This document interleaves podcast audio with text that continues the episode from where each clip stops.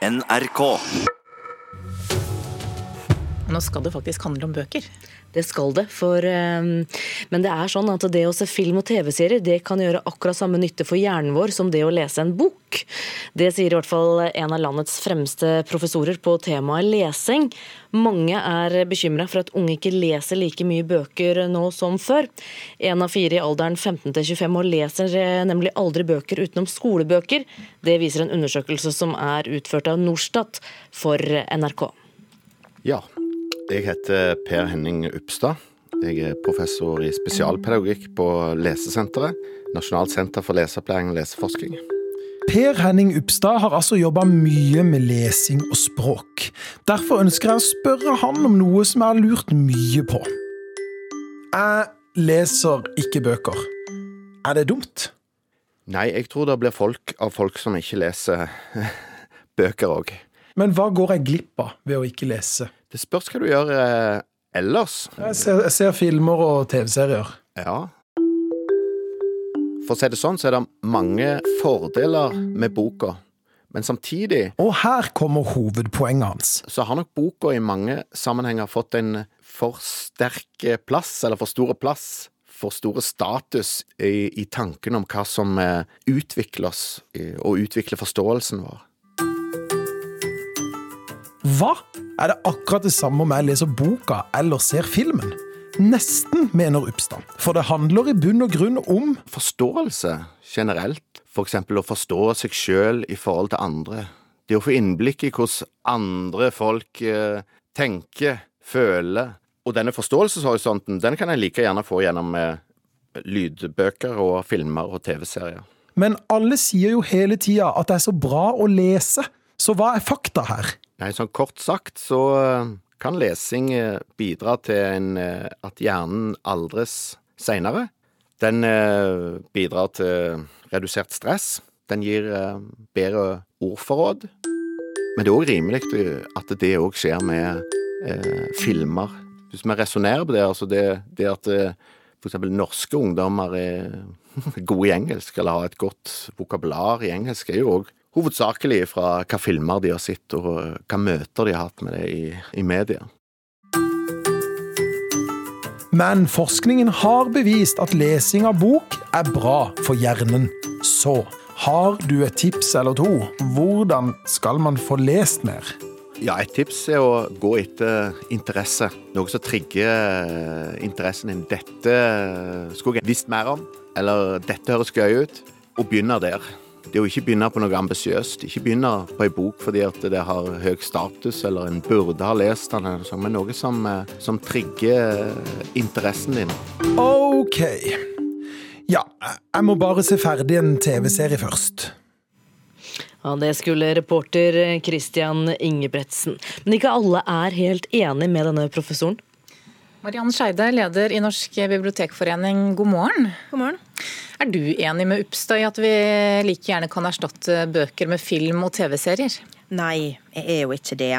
Eh, og det er fordi at det, eh, boka eller litteraturen det er jo en, det er en krevende kunstform. Han er ikke så umiddelbar som f.eks.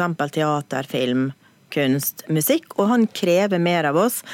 Og, eh, og så har du også den språklige dimensjonen. Jeg tror nok at det er jeg tror nok at, at, at du kan mm, impa- eh, empati, innlevelse og sånne ting ved å se en film, og jeg ser mye film sjøl, men den språklige dimensjonen, den mister du jo. Jeg har eksempel nettopp lest boka 'De sju dørene' av Agnes Ravatn, der det er sånne setningsoppbygginger som jeg sitter og fryder meg over. Og selv om jeg kan se at det er en bok som vil egne seg for film, rent sånn handlingsmessig, så er jo det store ting en vil gå glipp av der. Og det er jo også en grunn til at når folk ser ei f.eks. filmatisert bok, så sier jo nesten alle som har lest boka at boka var bedre.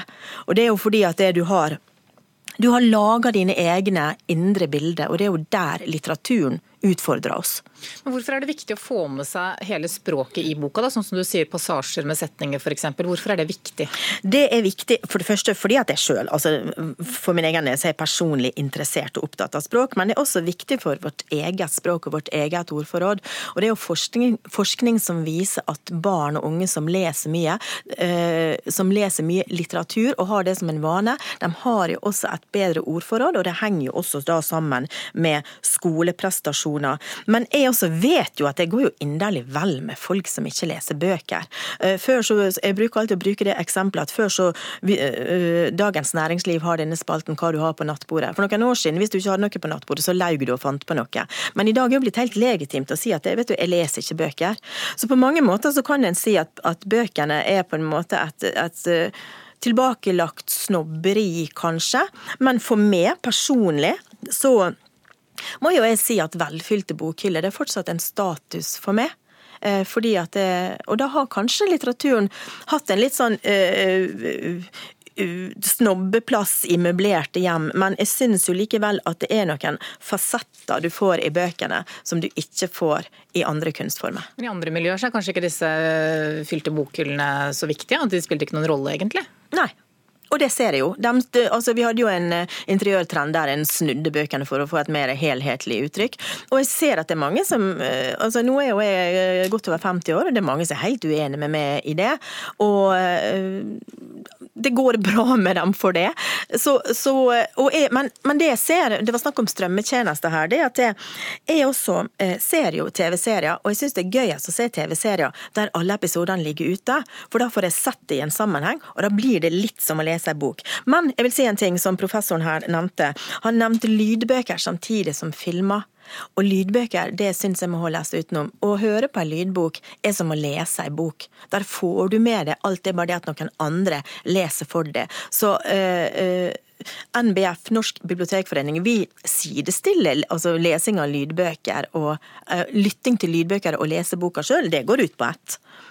Men skjønner du, sånn som vi hørte reporteren her si at han ikke leser bøker, at det kan være uoverkommelige folk da, som kanskje ikke noen gang har lest en bok, og komme i gang med det?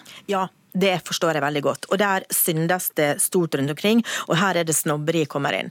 Fordi at jeg ser jo jeg som bibliotekar da jeg jobber på gulvet, og det kommer en 16 år gammel gutt som aldri har lest en bok i sitt liv, og fått for seg at han skal skrive om Ibsen i særoppgave. Da må han ledes bort fra det og få noe som er mer passende. Det er ikke Altså, mange bøker trenger fordrer at du har ei lesetrening, men det fins ei bok der ute for alle, og der er jo det biblioteket kommer din, at det fins ei bok som du er interessert i, og det sa jo den professoren også. Den boka fins, men du må ofte ha hjelp til å finne henne. Mariann Skeide, leder i Norsk bibliotekforening, takk for at du var med her i Nyhetsmorgen. Så må vi jo nok en gang da, minne om at vi har heldagssending fra Bokmessen i Frankfurt. Det er på torsdag fra 9 til 18 i P2. Både for deg som er interessert i bøker, og for deg som kanskje ikke er så interessert. Men kan komme til å bli det. Absolutt. Mange har eh, meninger om eh, de som har reist til Syria for å slutte seg til IS, og de kvinnene og barna deres som nå er igjen der i store leire. En 29 år gammel norsk kvinne med en alvorlig syk eh, fireåring ba i forrige uke om å bli arrestert for nettopp å bli hentet hjem. Kulturreporter Tone Staude, forfatteren Jostein Gårdre, har nå engasjert seg for den syke fireåringen og moren hans i Al-Hol-leiren i Syria. Ja, han er en av flere forfattere og kulturpersonligheter som har undertegnet et opprop for å hente dem hjem. Kanskje ikke bare denne syke fireåringen, men de andre også.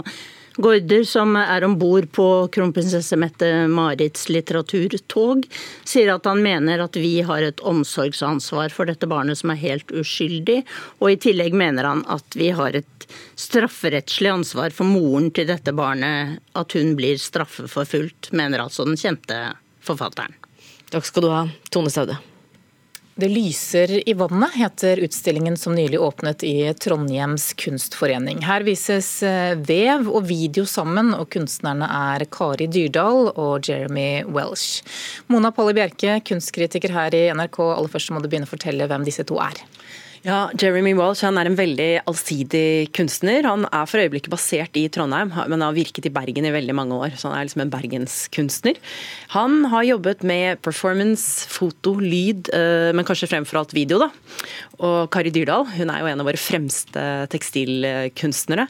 Hun jobber med vev, store billedtepper, i en historisk tradisjon, men på det vi kan kalle en digital vevstol.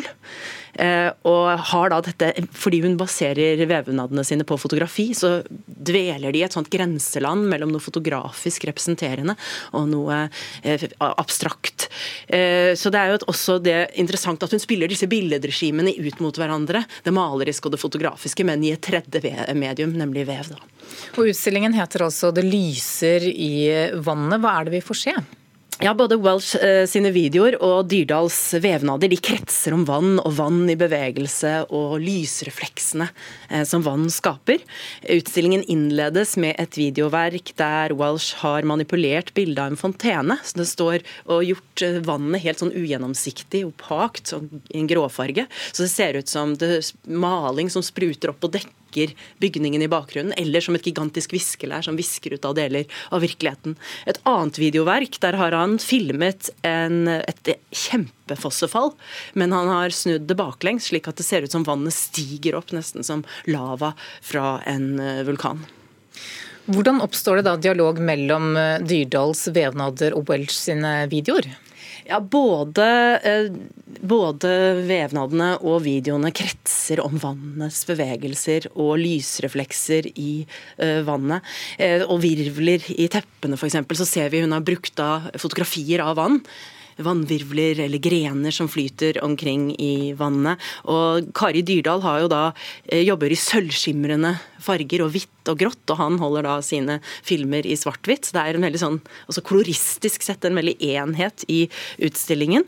Eh, og vi ser jo også i Kari, Kari Dyrdals eh, verker dette at når hun oversetter disse fotografiske, litt sånn halvabstrakte fotografiske bildene av vann til vev, så skjer det en veldig interessant stilisering eh, også. Hun, og hun har jo dette forholdet mellom fortid og nåtid i denne brytningen da mellom denne eldgamle håndverksteknikken teknikken, eh, tradisjonen og denne da helt nye, flunkende nye digitale teknikken som hun bruker. Ja, og vev og video de flettes tettere sammen enn som så. Eh, Welsh og Dyrdal har faktisk laget et felles prosjekt. Ja, Det var veldig gøy at de hadde gjort det, gått så langt. Altså Der har eh, Dyrdal vevd en veldig sånn helt gjennomskinnelig vev, og så har Welsh altså projisert en videoprojeksjon på denne, som er da forskjellig glimt av vann. altså Det er vann som skvulper inn mot stolpene på en brygge, det er glitrende vannoverflaten i en fjord fjord, det er dønninger mot en strand, en stri elv. Og disse vannrefleksene og vannbevegelsene de tas opp i selve vevnaden. Og så er det en veldig interessant brytning også mellom vevens veldig sånn faste og varige uttrykk, og det flimrende, flyktige som vannets bevegelser representerer, men som også fotomediet, eller det kamerabaserte mediet, representerer. Så det er veldig interessante spenninger, i, ikke minst i dette fellesarbeidet. Hvordan vurderer du utstillingen? Fungerer det? Det er en veldig fin opplevelse. Det er rett og slett et veldig godt sted å være. Her kan man sitte og lytte til klukking. Man kan eh, liksom hengi seg til vannets liksom beroligende effekt, og la seg drive med i strømningene. Utstillingen den kan altså ses i Trondheim kunstforening frem til 3.11. Takk skal du ha, Mona Palle Bjerke.